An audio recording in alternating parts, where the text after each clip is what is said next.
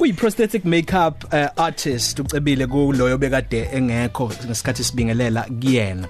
Ukhulumile ngokuthi nenza ingozi nezilonda nezibazi ningongoti baloko kodwa kupheleli lapho. Ikuphi okunye nikwenzayo Um okay engaeda kulokho senza ama creatures ama creatures eh, it's when i prosthetic usuke mm, wenza anything ungashintsha anything to to something engayona. Izilwane Uh yes isilwane ungashintsha umuntu i- igender yakhe umuntu wesifazane ngamenza umuntu wesilisa. Because eh, usebenzisa from kubumba lelo suku libumba ulenze umix ama chemicals wenze ngesilicone or ngefoam latex or ngegelatin and then tho- leyo nto uyayihlanganisa ndawonye uyenze umuntu but first kufanele uqale wenze i life cast because wenza um like isithombe salowo muntu ubumba phezulu leyo nto leyo. Oh. then nina masenibona nibone mhlambe njengo Ben 10 o ubona ialien ungazuthi isilwane kusangasona isilwane kusuke kuumuntu awufuna kubumbela Eh uBenten ungangibumbelana uBhamten yes ngakwenza So Cibisile wakhetha ukuthi uhambe uyofunda eUSA Los Angeles darling. Yindaba ukuthi uhambe uyofunda eUSA I mean azikho yini ikole ezenza lento le oyisebenza oyenze oyifundele namhlanje?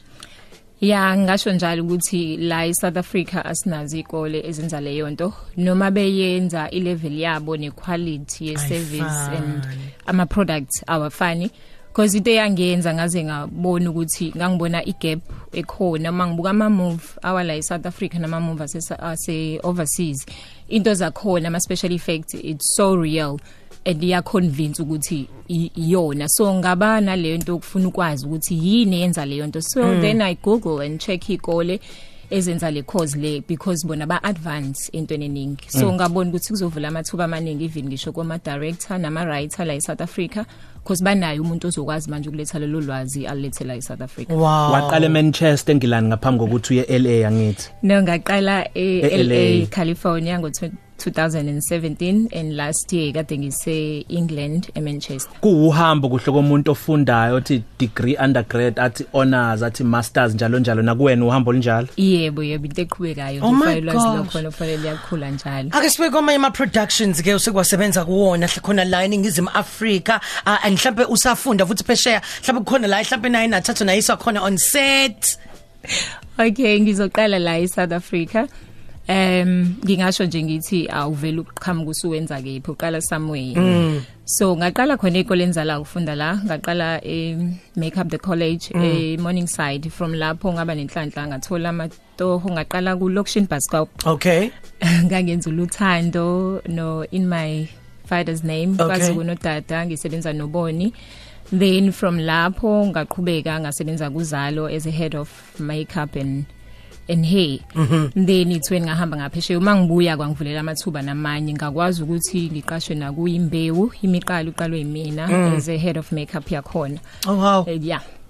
And then usukhona ke phesheya ke a- a- akukho mhlambe like mhlambe njengokuthi kwi course thizeni mangabe nisafunda ngabe nisatrain nihambe seniye on set njalo njeng- njengosa intern ikhona into abathuba kanjalo but anibi on set because kufanele bene experience ethile but mm. lento enisuke nifunda eclassini ama piece la enisuke niwenza niyakwazi ukuthola lelo thuba ukuthi if you are available because abanye abantu esifunda nawo ngoba esikoleni sethu they only take 6 students so abanye bavele ema, ema country wow. ahlukene so lelo thuba liyaqhamuka kanjalo ukuthi nikwazi ukwenza labo piece laba mhlambe makuzosho ukuthi imove ethile ukuze nibe ne experience le because uyayidinga it's mm. more practical kakhulu. Wow. Hlobo luni lomuntu ongangena kulomkhakha we prosthetic makeup mina nje nginezandla ezijulukayo kumele ngibe nolwazi oluthile ngokudweba mhlambe noma ngokusebenzisa ubumba umchaze lo muntu.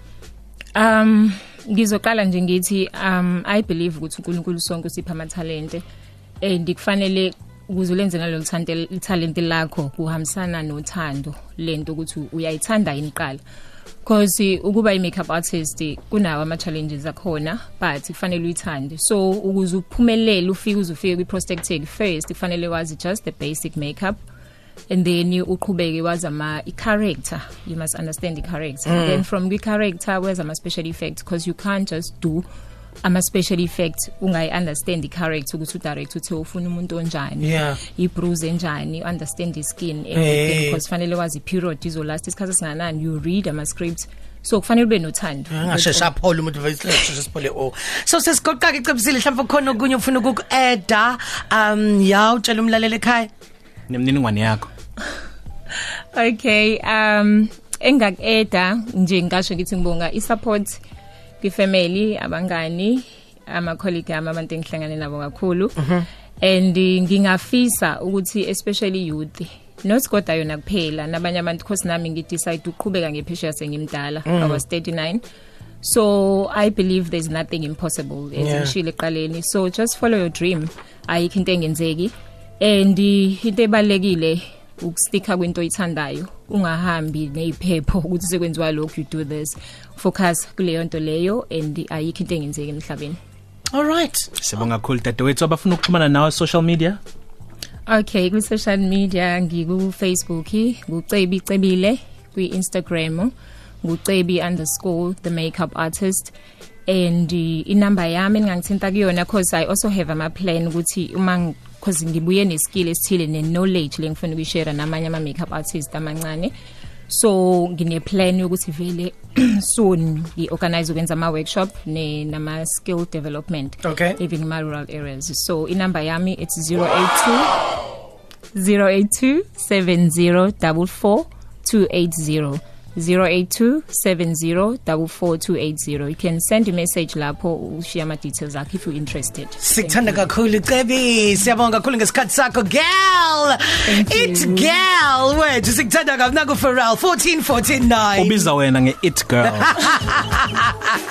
12 to 3 noSiyana noSelbionze ku Cozi FM